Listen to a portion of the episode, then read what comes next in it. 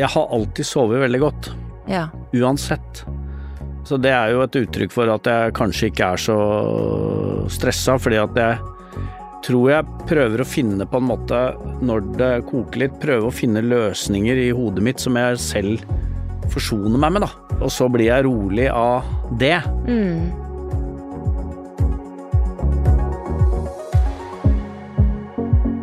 Er veldig nysgjerrig på folk som på forskjellige måter utøver lederskap. Jeg har lyst til å komme under huden på dem som har rekt opp handa og tatt ansvar. Hva er det som driver dem, hva slags motstand har de møtt på veien, og hvordan har de reist seg når de har falt? For de fleste snubler på veien uten at vi ser det. Det her er Lederhoder. Jeg heter Åshild Mathisen og jobber i Hodejegerne. Dagens gjest er rørleggeren fra Groruddalen som har vært statssekretær i to omganger. Han mener sjøl han banner for mye, og at han blir stadig mer emosjonell. Inntil nylig var han eh, Oslos mest populære politiker, og fortsatt er han forbanna over valgtapet i hovedstaden. Han var sterkt ønska inn i regjering, men nå har han begynt som generalsekretær i Norsk Folkehjelp. Velkommen, Raymond Johansen. Tusen takk for det. Nå går du altså ut av politikken, etter eh, å ha vært en markant og populær politiker og byrådsleder gjennom åtte år. Men det er ikke første gangen du veksler mellom eh, politikk og hva skal vi si ærlig arbeid. hva tenker du, er det bra for holdt på å si, begge, både politikken og arbeidslivet, at man veksler? Ja, det tror jeg er veldig klokt. Det er uh, veldig mange som kommer inn i politikken, uh, er stortingsrepresentant når de er par og 20 år, og så er de ferdig i politikken når du er uh, i slutten av 30-åra, kanskje. Mm. og det å ha arbeidslivserfaring fra ulike områder tror jeg er bra for demokratiet og bra for politikken. Du blir jo gjerne litt klokere når du får litt breiere erfaring enn bare politikken og alt hva det innebærer på godt og vondt. Men kan du se for deg at du går tilbake til politikken nå? Altså, jeg sitter i sentralstyret i Arbeiderpartiet fram til neste landsmøte, som er våren 2025, og så er det jo en del politikk i det jeg driver med nå også, så Ja. partipolitikken eh, kommer til å være med i Arbeiderpartiet, men nå er hovedfokus å gjøre jobben som generalsekretær i Norsk Folkehjelp. Mm. Og så er ikke det den eneste vekslinga du har gjort. Når det kommer til for eksempel hvilket parti man er med i, så tror jeg du først var med i Arbeiderpartiet eller AUF da, Ja. så gikk du til SV, så gikk du tilbake til Arbeiderpartiet. Og så har du gått fra å være mot EF, så sånn sett var jo det langt tilbake, til å bli for EU.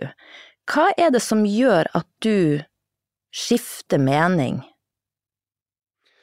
Det er ikke noe gærent i å skifte mening. Eh, Når jeg var eh, leder av Sosialistisk Ungdom på midten av 80-tallet, så begynte jeg både å bli tilhenger av at vi skulle nærme oss et regjeringssamarbeid med Arbeiderpartiet, og at vi måtte se på Nato-standpunktet vårt, EU- eller EF-standpunktet. Så jeg har vel hatt noen sånne røde tråder hele tida når det gjelder samarbeid, både internasjonalt og nasjonalt. Så Gjennom den prosessen, særlig eh, EU-prosessen fra 94 og før det, jeg var jo byråd da, så tenkte jeg liksom eh, dette her vil ikke SV ha, eh, og da var det like greit å komme hjem igjen. Mm. Så jeg opplever ikke at jeg nødvendigvis har liksom skifta oppfatning om de overordna tingene, nemlig Mm. behovet for internasjonalt samarbeid, og både liksom gjennom EU, Nato, men også regjeringssamarbeid på tvers mellom partier. Så det har vært en, en rød tråd i, øh, i øh, det jeg har ment. Men det å skifte mening Verden forandrer seg, og man forandrer seg sjøl, og man leser, kanskje for ny kunnskap. Så sånn sett bør det ikke være unaturlig. Men er det egentlig rom for å skifte mening i, i politikken? Det kan virke som du blir liksom tatt hvis du Ja, i altfor liten grad. Ja. Verden endrer seg, verden er dynamisk, det er nye allianser hele tiden. mm, Og det at man ikke skal endre oppfatning øh, og perspektiver gjennom det, virker veldig underlig. mm, Sånn er jo livet ellers. mm, Du kan jo øh, endre vennegjeng og hvem du, hvem du er sammen med, til og med øh, skille deg, for å si det sånn. Så, mm. Men i politikken så skal du liksom holde fast ved en eller annen oppfatning du fikk for 30 år siden, mm. og da er du liksom lojal og forutsigbar. Men du er jo ikke nødvendigvis veldig klok. Jeg kjenner at jeg, altså jeg klør sånn i fingrene at vi må ta en liten sving innom Arbeiderpartiet og situasjonen, i, i, et lederskapsperspektiv, da. Mm. Fordi, som du sier, verden har endra seg, og sosialdemokratiet må forholde seg til det. Hvordan må man gripe an det at det ser ut som man står litt igjen på perrongen og ikke helt klarer å Eller det er jo åpenbart at man ikke favner sånn som man har gjort. Nei, og nå uh, finnes det jo ikke noe hokus pokus eller, eller løsning på det. Arbeiderpartiet var jo i utgangspunktet også en veldig stor koalisjon mm. som uh, rommet veldig mye. Mm. Og når på en måte oppslutningen om den koalisjonen blir uh, stadig mindre, så er jo det ekstremt uh, krevende å, å, holde fast ved, og her har du mye spekkhoggeri, ikke minst på, på venstresida, så det stiller jo et utrolig stort krav til lederskapet, både med, i kraft av tydelighet og Arbeiderpartiet har jo ofte hatt tre store utfordringer uh, opp gjennom historien, og det ene er ofte at A-en har stått for arroganse, og at vi har for, blitt forbundet med kameraderi og vi har blitt forbundet med intern uro alle de tingene, når det eh, rammer oss, så mm. rammer det oss veldig hardt. Mm. Så det å liksom alltid være for eksempel veldig åpne for uh, samarbeid med andre i den tida vi, vi, lever i, tror jeg er viktig, og det krever jo veldig mye av uh, deg som leder, mm. både med åpenhet, uh, raushet, forståelse for andres synspunkter og behovet for å finne nest beste løsninger, det er jo klart at eh, det er en eh, utrolig krevende eh, lederjobb. Mm. Mye enklere å stå og være helt kontant, tydelig på sine grunnstandpunkter, håndheve de, være tydelig på det overalt, sånn som et parti som Rødt, da. Mm. Som bare kan stå knallhardt på sine standpunkter uten på en måte nødvendig å ta hensyn til eh, at du skal også finne nest beste løsninger, for det er bare de beste løsningene som ja. du da målbærer. Men når man er leder og er under et sterkt press, så er det jo en tendens til at man lukker seg, det er jo helt naturlig, og at man eh, merker at enhver ting man gjør blir, eh, blir, påpekt og kritisert, og dermed så på en måte blir man mer og mer sånn, ja, kan jo fremstå arrogant, fordi man prøver å være perfekt. Og da lurer jeg litt på, for å ta da din lederstil og litt der du kommer fra, din onkel er Torbjørn Berntsen. Mm, han, det er riktig. Ikke sant? Men uh, han var nå miljøvernminister under, uh, var det i Gro Harlem Brundtland sin regjering. Han snakka rett fra levra, uh, fra Groruddalen, og du er jo litt sånn leppa fra Grorud, du også. Altså, er det en fordel, tror du, hvis man da er eh, under press, der med at man kan bare dra til å være litt folkelig? Jeg tror enhver bunkersmentalitet uh, er farlig. Mm. Uh, at uh, hvis det blir en type intern følelse av at det er oss alene mot verden, ja. så, og alt utafor, alle vil oss vondt, så har det ofte en effekt med at man drar hverandre ned.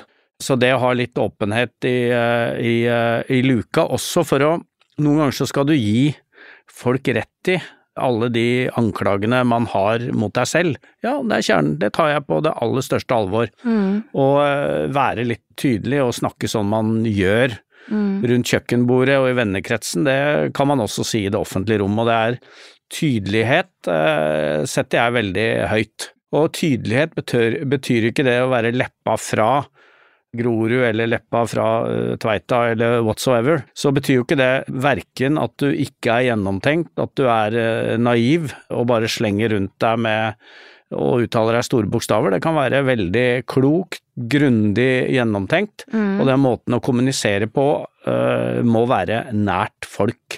Mm. Det har jeg i hvert fall prøvd alltid og hatt som en både lederstil og måten jeg tenker politikk på, så skal jo det være sånn at du skal kunne ha en gjenkjenning. Folk skal kunne identifisere seg med det du uh, driver med og det du sier. Forenkling av budskap, det krever ofte mye, mye mer enn uh, enn å på en måte drive og uttale politikk på et abstrakt nivå, da. Og den gjenkjenningseffekten, som Torbjørn var jo, og er jo for så vidt ennå, selv om han nå var 88, veldig, eh, veldig klar på eh, akkurat det å uttale seg på en måte så folk forstår. Mm. Det er jo viktig for demokratiet òg, etter mitt skjønn. For man kan kanskje få inntrykk at de som på en måte er litt sånn folkelig i uttalelsene, kanskje tar det mer spontant, men du for eksempel, du sitter jo og gjør hjemmeleksa di, Ja. og til og med, jeg leste et gammelt intervju da du begynte som byrådsleder, at du, du følte at du på en måte, du ville liksom få oversikt over hele Oslo, hele Oslo-politikken, sto opp eh, kvart på fem på morgenen for å lese deg opp.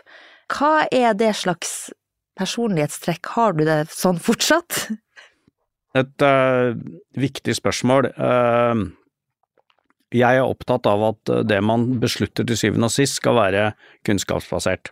Og jeg er veldig eh, skal ta en anekdote knytta til det, hvor jeg fikk min eh, første liksom sånn litt større kontorjobb som byråd i Oslo i 1991. Og da hadde jeg kommet ganske rett fra jobben eh, som rørlegger. Og når jeg da kom opp og inn i avdelingen jeg skulle lede, og ansvarlig for 15 etater i Oslo, så hadde han Ulrik Fredrik Bergman, som var teknisk direktør, hadde lagt alle årsrapportene for alle de 15 etatene foran meg, med en sløyfe rundt, som sto øh, 'Velkommen til oss, Raymond'. Og da tenkte jeg, jeg så ut av vinduet, og jeg tenkte hva i all verdens rike har jeg gitt meg i kast med nå? Og jeg sto og så ut da, så fikk jeg en veldig sånn tydelig, eh, viktig erkjennelse som jeg håper har fulgt meg seinere. Det er at disse folka som er her på denne avdelingen, er jeg helt avhengig av. Det er de som er ekspertene, de kan det. Og jeg må greie å få god, som jeg tenkte sikkert ikke på den måten da, men etterspørselskompetanse. Jeg må vise at jeg er avhengig av dem, jeg må greie å bygge et lag. eh, Var det og- fordi du tenkte den bunken med sløyfe Ja. på, den dreper meg, Den så jeg dreper meg. trenger et apparat? Jeg trenger et apparat, jeg trenger kunnskap. Mm. Og det, du kan si kanskje noe, dette er bare en tese, noen ganger en fordel fra å ikke ha en akademisk eh, bakgrunn, hvor du kanskje tenker at du er på toppen av verden, Mm. at du mestrer det meste sjøl, du har lest, du er kunnskapsrik, og du skal Mm. ofte vise kunnskapen din for omgivelsene. Det har ikke jeg vært opptatt av. Jeg har vært opptatt av å få den kunnskapen de som er var ekspert på Oslo Vei eller uh, Miljøetaten som det er, Bymiljøetaten eller Skogvesenet eller uh, hva nå det heter. Og så er det jo da gjerne rundt og diskutere, og så er jeg opptatt av å prøve argumentene mine, høre med dem, prøve argumentene, så jeg er opptatt av å internalisere argumentene mine. Og så nytter det ikke bare å få noe du leser, skal lese fra et papir. I det øyeblikket du har sagt det selv og tenkt det selv, da greier du å utvikle både gode spørsmål, og du greier å utvikle politikk, og du greier å kommunisere det. For du må internalisere, du må tenke, du må få det, du må diskutere det, og da nytter det ikke å bure seg hjemme på kontoret og sitte og lese og streke under med gul markør og tenke at når jeg kommer ut herfra, så er jeg god. Det har jo vært en kritikk mot eh, Arbeiderpartiet at det er for mye rådgivere og talepunkter. Er det litt det du sikter til? Altså at hvis man har ferdigsnekra budskap, som gjerne kan høres litt akademisk og byråkratisk ut, at det ikke er eid av Jeg tror det er, det er, her, er- det er litt problem, og jeg har selvtillit, liksom, til å, og det er lett å, til å liksom legge det bort, og Ja. etter hvert, for jeg har drevet dette gamet i mange år. Men det er klart at det er et problem, men her er også media og dere et problem. Mhm. Fordi man leiter etter en eller annen liten feil, og da er du, blir du kjempeutrygg på om du har målbært det du har fått fra administrasjonen din på en helt riktig måte, og der sitter du og har debatter hvor du liksom har pugga tall opp og ned og ned i Mm. mente som om du er professor i sosialøkonomi, Mm. framfor at du tenker at nå skal jeg greie å snakke og ha et budskap sånn at folk faktisk forstår hvorfor du gjør det du faktisk gjør.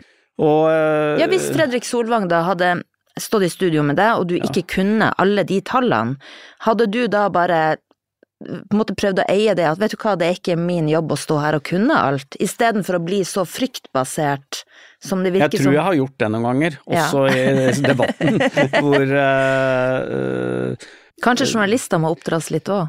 Nei, altså, det, det, er noe, det, er noe, sånn det gamet er, og du må mm. ha uh, selvtillit. Du må tenke over hvem som er uh, de du faktisk skal snakke til. Mm. Og det er ikke nødvendigvis bare journalistene. Mm. Det er også vanlige folk som skal skjønne at det du driver med er håndgripelig, og ikke minst at det er utrolig mange kompliserte avveininger du mm. gjør, og du må ta på en måte å holde velgere, holde folk i hånda og forklare mm. hvordan ja, hør nå her, mm. det er det, derfor må vi kutte ned det for å få det til, vi har ikke penger, vi har så mye gjeld, det er det det er det er grunnen til jeg gjør det. Det har vi falt ned på. Kanskje det ikke er det riktige, men det er den begrunnelsen vi faktisk har gjort for å fatte det standpunktet. Så du, når vi nå står liksom i økonomiske utfordringer, mm. og verden der framme ser ganske mørk ut. Og det folk da må ønske, er jo å ha et perspektiv som er positivt. Og da må du først holde med hånda, ja, vi gjør det og det og det, fordi framtida skal kunne være enda mer positivt. Mm. Den reisen, holde velgere, eller hvem nå det er, i hånda for å ta dem videre for å forklare ditt budskap, der har uh, vi litt å gå på. En ting er jo på en måte måten du er på, og så dette med at du er rørlegger, det er jo sånn som gir en kredibilitet i Arbeiderpartiet. og så er det jo at man har hatt et sånt ærlig yrke, man har eh, ligget i telt på Utøya, det er veldig mye sånne, sånne på en måte symbolske ting i Arbeiderpartiet. Og så har du en yngre generasjon som er akademikere, som opplever at deres utdannelse på en måte blir mistenkeliggjort, eller at den blir på en måte sett på som en elite eller som problemet, eh, og så slår de tilbake med det er jo det som er på en måte Nå er det det vi er. Altså, ja. vi, nå er vi et kunnskapssamfunn. Jeg er helt enig. Men hva er det som gjør at man henger fast i sånne gamle kategorier? Ja, gud, gud veit. uh, ja, i hvert fall uh, liksom Det er media som har vært mer opptatt av Jeg har ikke skrudd siden 1991. Og det begynner å bli mange sesonger siden. Jeg har vært leder på andre nivåer siden det, og nå ser vi 2023. Ja ja, men vi selv, elsker jo den kontrasten! Jo, men sjøl så eh, Ikke slipp meg inn i kjøkkenbenken din. Det, eh, altså, det er det aller tryggeste, og jeg liker ikke å kokettere med det i det hele tatt. Og jeg irriterer meg også litt over den derre måten å snakke med folk som har fått seg en akademisk utdanning. Kona mi er uh, akademiker, mm. hun har uh, en lang utdanning, mm. kommer fra veldig uh, enkel bakgrunn. Den første som har tatt en mm. utdanning i Harstad, hvor hun er fra. Det er jo mm.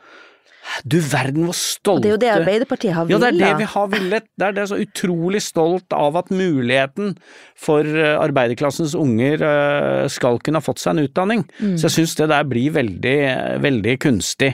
Så jeg har aldri følt liksom at det skal gi meg noen eh, ekstra, ekstra poeng i det hele tatt. Jeg er en utrolig lesende person og veldig respekt for, for, for kunnskap.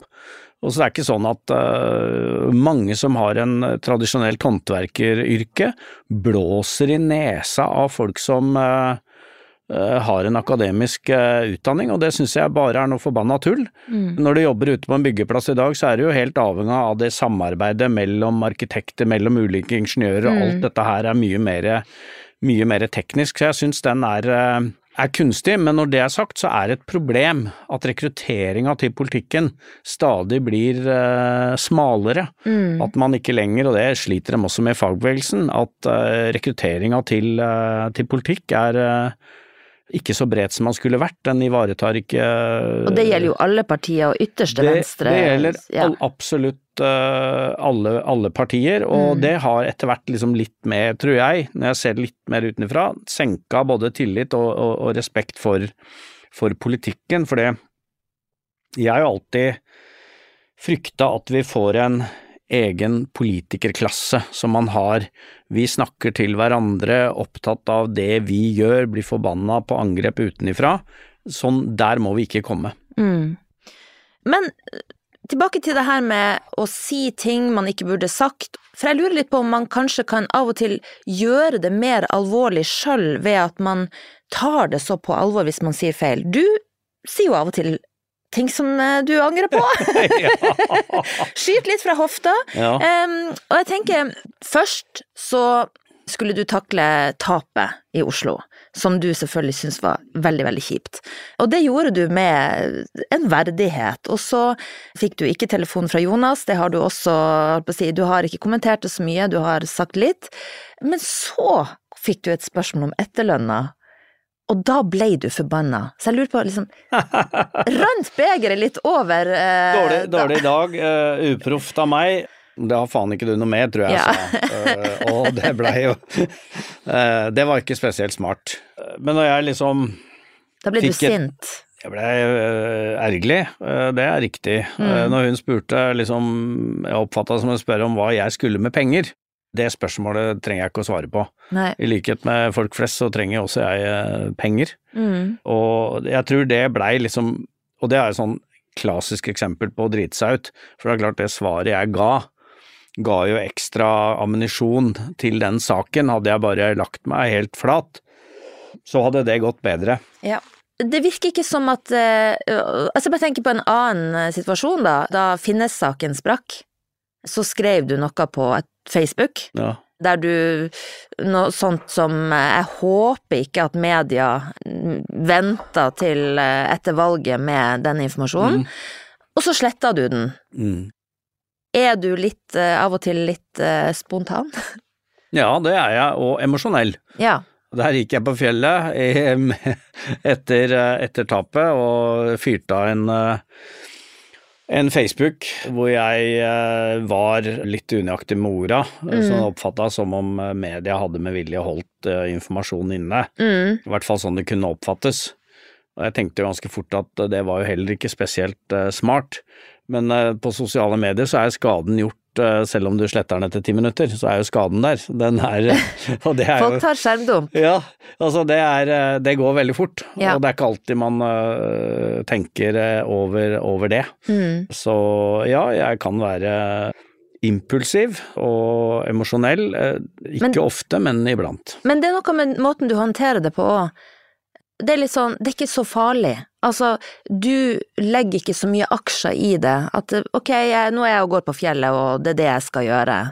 Det virker ikke som at sånne ting fester seg sånn ved deg, som det kanskje gjør med andre som vil håndtere det veldig sånn, tar det mer på alvor, hvis du skjønner, at det kanskje reflekteres litt i måten man håndterer det på. Ja, kanskje det. Jeg tar det jo ikke så tungt. Nei. Uh, ikke så lenge, og jeg har jo Sånn når det blåser, som det jo har gjort eh, i mange perioder, så er jeg veldig lite Jeg ser veldig lite på sosiale medier. Jeg, jeg leser ikke så mye aviser for å liksom eie mine egne tanker, da. Istedenfor liksom at alle andre, og mange kan sitte ned og lese kommentarene i VG eller Ja. eh, på sosiale medier og blir utrolig stressa og kanskje sove mindre og tar det veldig personlig og sånn, så har jeg teknikker, da. Mm. Det er jo at jeg det, Nå er jeg uke hvor det er mye trøbbel. Da har jeg sagt til rådgivere hvis det er absolutt noe vi svarer på, så fint, da gjør vi det, men eh, ellers så kommer ikke jeg til å lese noen ting. Så det er jo litt sånn teknikker jeg Ja. har lært meg også, da, til å eh, beskytte meg selv. Mm.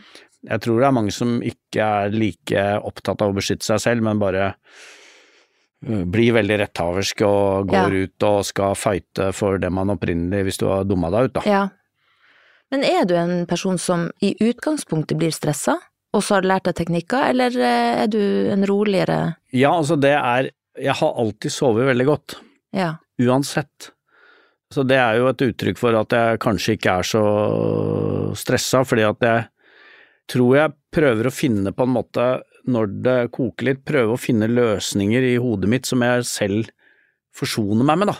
Og så blir jeg rolig av det, Mm. og bruker selvfølgelig alle, alle rundt meg, så jeg er egentlig ikke en jeg er ikke en stressa type, men jeg er veldig utålmodig i den forstand at jeg liksom må videre hele tiden og jeg merker nå med ny jobb og sånn, det er jo øh, masse nye folk, det er Ja. masse nye rutiner, og så blir jeg utålmodig for å forstå organisasjon og, og hvilke måte mekanismer det er her, og hvorfor gjør dere sånn og ikke sånn, og Mm. kommer inn i noe, så det kan i hvert fall være en sånn Kunne jo lent meg kanskje mer tilbake og bare tenkt ja, nå bruker jeg et halvt år på Mm. å lære um, organisasjonen og um, dere å kjenne.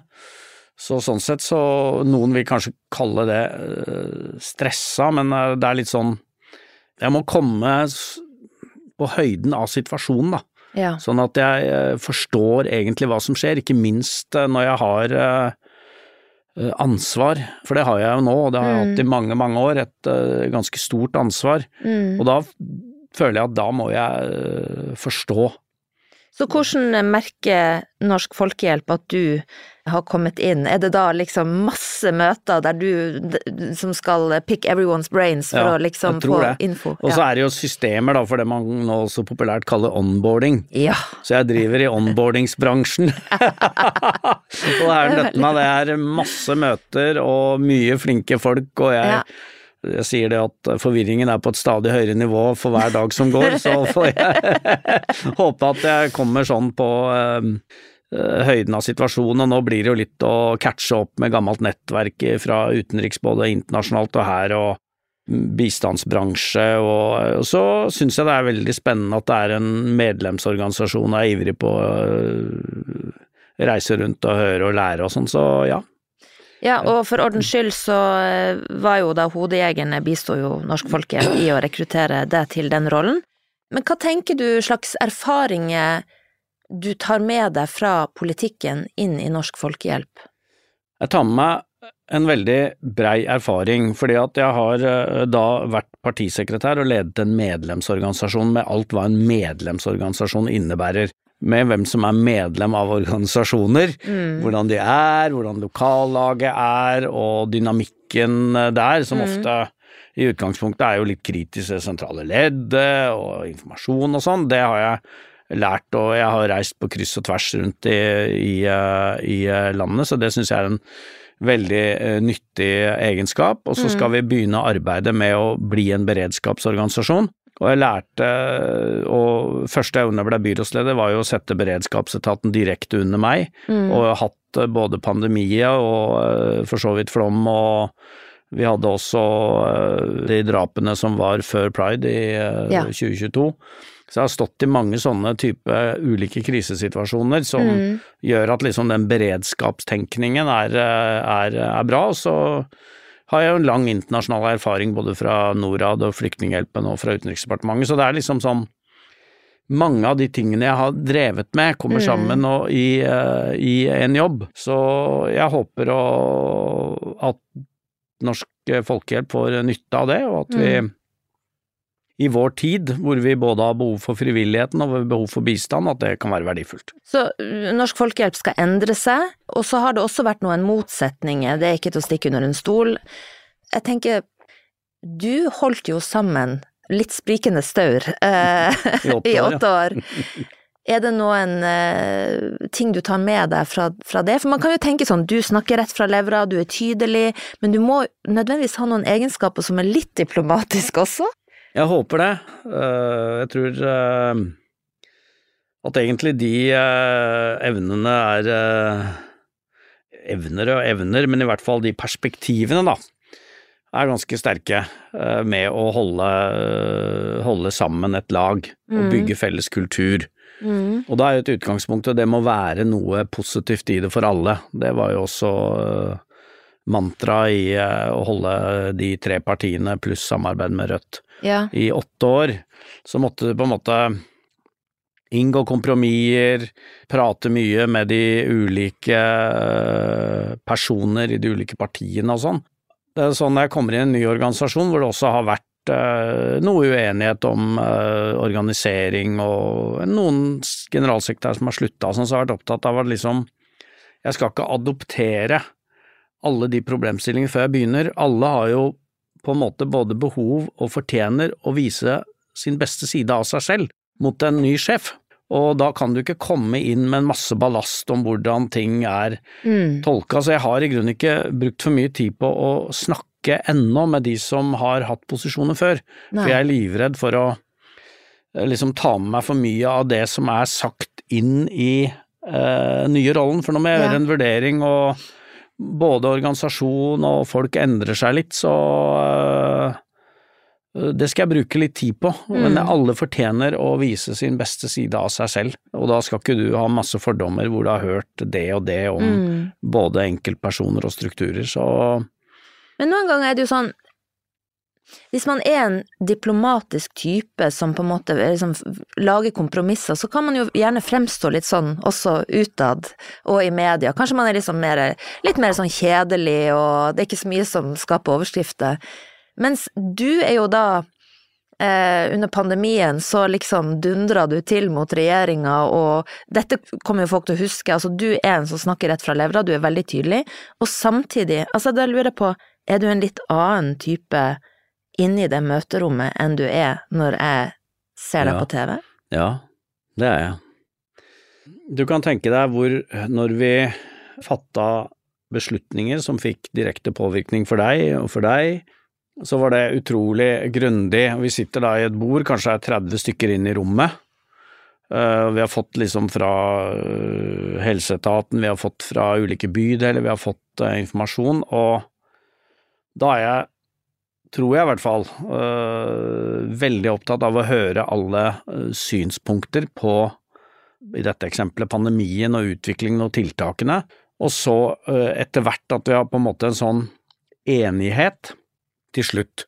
Det var jo uenighet internt i, i blant ekspertene også i Oslo kommune om Ja. tiltak, og så var det å ha den diskusjonen, og til syvende og sist måtte jeg fatte da et standpunkt om hva vi faktisk gjør. Mm. Men det var jo alle som eh, gikk ut av det rommet visste da at det standpunktet var fattet, og at det var det som kom til å bli sagt på pressekonferansen kanskje en time etterpå. Så jeg har i hvert fall eh, håper at jeg eh, også fram, er i realiteten lyttende Mm. og åpen i prosess. Mm. Men så er jeg også opptatt av at når et standpunkt er fattet, så er det fattet. Mm. Det er ikke, jeg er ikke typen for 100 omkamper.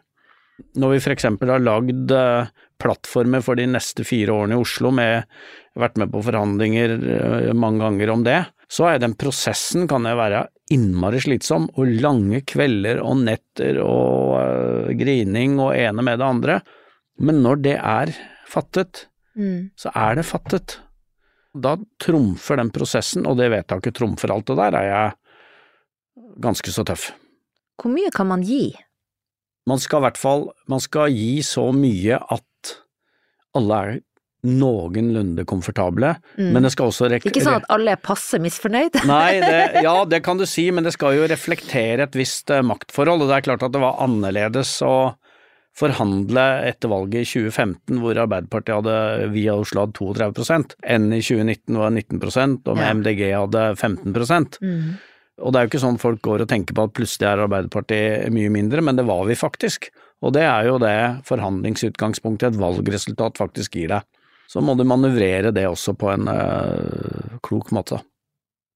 Kunne man ha sørga for at SV ikke gikk ut av forhandlingen i regjeringa? Jeg er helt sikker på at øh, det er når øh, Ikke gi meg et politisk korrekt Nei, men svar nå. bare, Når Audun Lysbakken, Jonas Gahr Støre og sikkert Trygve Slagsvold Vedum skriver sine memoarer om hva som egentlig skjedde, Mm. så eh, går det an å trekke noen konklusjoner på det. For det er noen ting, og jeg har også vært med på det, som det er noen få gjennom det som til syvende og sist avgjør. Og jeg veit ikke nok om det, Nei. men det er klart at min erfaring er jo når jeg har fått folka rundt bordet, så blir, har hun blitt sittende i hvert fall. Men uh, om det her var helt umulig, det, det veit jeg ikke. Men jeg er helt sikker på at den debatten kommer når memoarene kommer, igjen, på en, en eller annen uh, gang. Men uh, jeg er jo en tilhenger av en, tre, en, en flertallsregjering, og det var mulig. Ja. Jeg tror det er lettere å styre. Mm. Så jeg opplever at prisen man betaler for at det ikke gikk, er ganske høy. Mm. Men uh, jeg har i hvert fall ikke kunnskap nok til å peke på noen og gi noen skyld Mm. for det. Jeg veit ikke om SV var nok oppriktig, jeg veit ikke om Senterpartiet var satt ned foten fullstendig. I don't know. Mm. Det har blitt veldig inn å reflektere om ledelse. Og så har jeg et sånn inntrykk av i politikken så snakker man jo ikke om lederskap på den måten. Eh, hvordan utvikler man seg som leder i politikken? Hvordan har du utvikla deg? Er det helt sånn organisk, eller har du lest du noen gang bøker om ledelse? Nei, det gjør jeg ikke. Men det betyr ikke at jeg ikke har uh, respekt for det, men jeg reflekterer veldig mye rundt ledelse, Mm. fordi jeg har vært leder i så veldig mange år. Så jeg ser veldig fort hva jeg syns er en god eller en dårlig leder. Og i går kveld så var jeg for eksempel uh, og snakka til lokalleder i Oslo Arbeiderparti om ledelse. Ja. Og uh, da er det noen sånne ting som for meg er veldig viktig å, å si, som du ikke alltid leser i bøker. Det ene er folkeskikk. Det ene er eh, møtedynamikk, det er å se alle mennesker.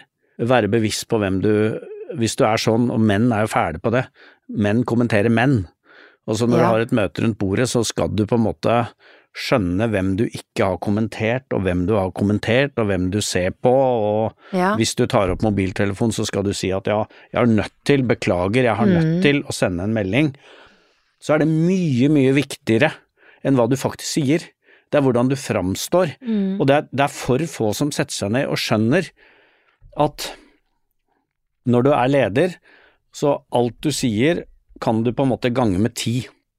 Mm. Fordi at det blir så forsterka i kraft av at du faktisk sitter med makt. Mm. Hvis du er en øh, bølle på det, inni det rommet, og så ganger du på ti, så blir du riktig så bøllete. Og det er den derre mellommenneskelige dynamikken i en, både en beslutningsprosess og ellers som er øh, Som jeg øh, har reflektert mye over. Mm. Og jeg har jo vært innpå I min lederperiode så har jeg jo vært igjennom veldig mye. 22. juli som det aller sterkeste, hvor øh, man også i den prosessen ganske tidlig så måtte du bestemme deg blant annet for å holde følelsene ute, for du skulle lede. Altså du kunne ikke ta alt innover deg. Selv om du besøkte liksom eh, begravelser, eh, du var med og forfattet nekrologer, måtte ta telefoner til foreldre som deres barn hadde blitt drept, skutt på Utøya, barn som var like gamle som mine sønner. Alle de tingene. Du kunne bare Du kunne bare egentlig åpna alt. Jeg gjorde det liksom til slutt for meg selv, hvor jeg gråt og gråt og gråt, men det, det trenger du teknikker for å gjøre. Jeg fikk da heldigvis hjelp av en eh, som var der, en krisepsykolog, eh, som måtte hjelpe. Og, så jeg har liksom bygd på erfaringer, og den var også veldig verdifull under pandemien. Ja. Fordi at eh, du Det høres helt grotesk ut på en måte, men det å, å, å stenge noe av følelsene ute, for det var jo så mange som blei så hardt rammet. Og så hvis du skulle ta alt det innover deg og samtidig lede, så hadde ikke det gått. Så det var et langt svar på et spørsmål om eh, på en måte jeg har bygd eh, ledelse gjennom erfaring eller generisk, så jeg har bygd min erfaring gjennom mange ulike ulike hendelser.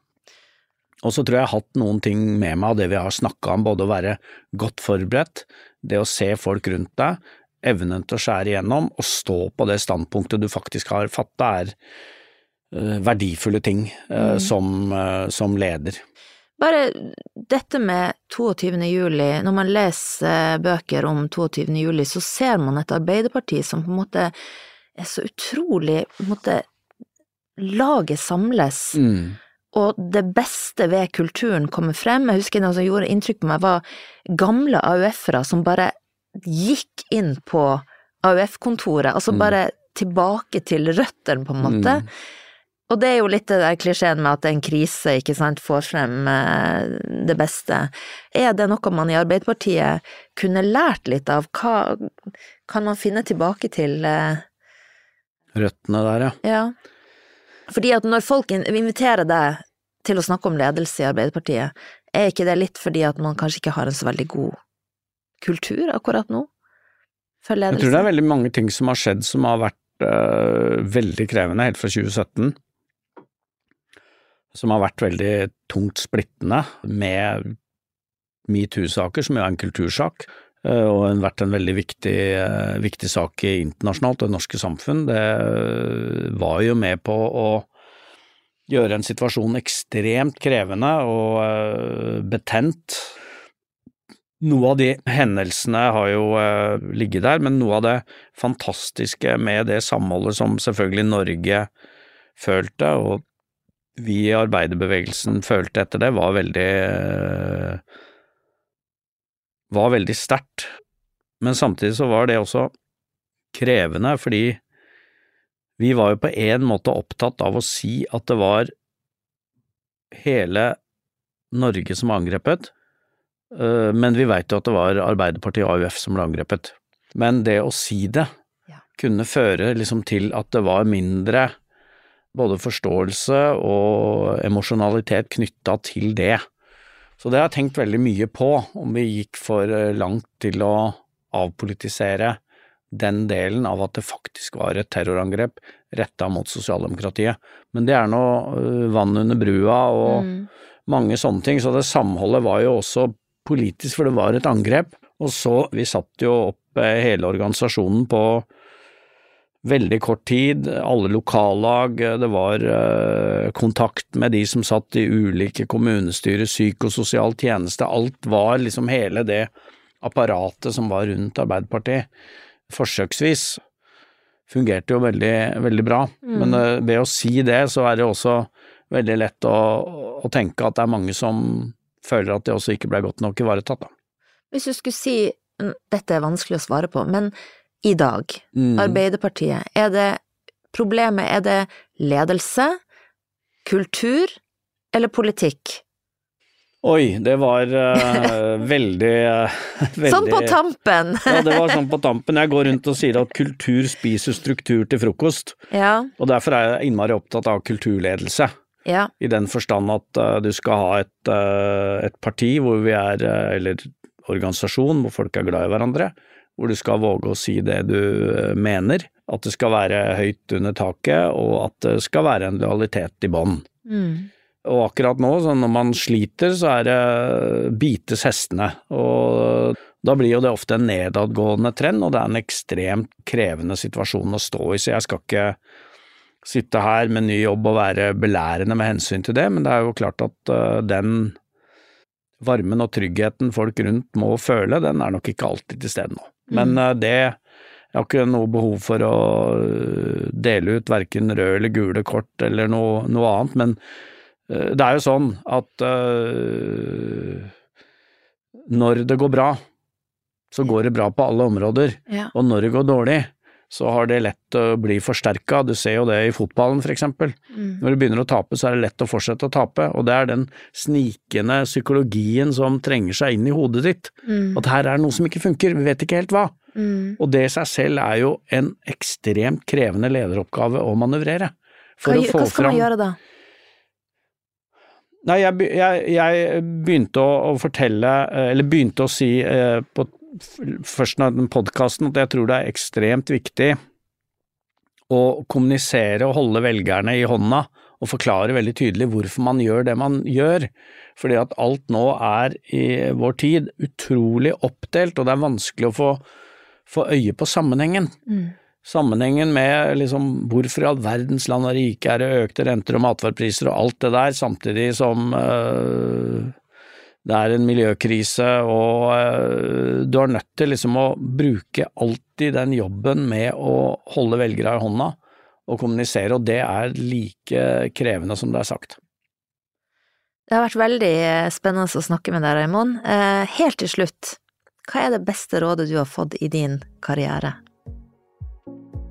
Når jeg ble partisekretær, kom fra jobben som statssekretær, i Arbeiderpartiet og ble partisekretær, så hadde jeg en prat med Martin Kolberg. Og jeg spurte Martin hva er det beste rådet du kan gi meg når jeg nå går i gang med jobben som partisekretær. Og da sa Martin at du må være glad i parti, og du må være glad i folka. Det syns jeg var et godt råd. Fantastisk. Tusen takk for at du kom. Takk for det. Denne podkasten er produsert av Monster Podkast for hodejegerne.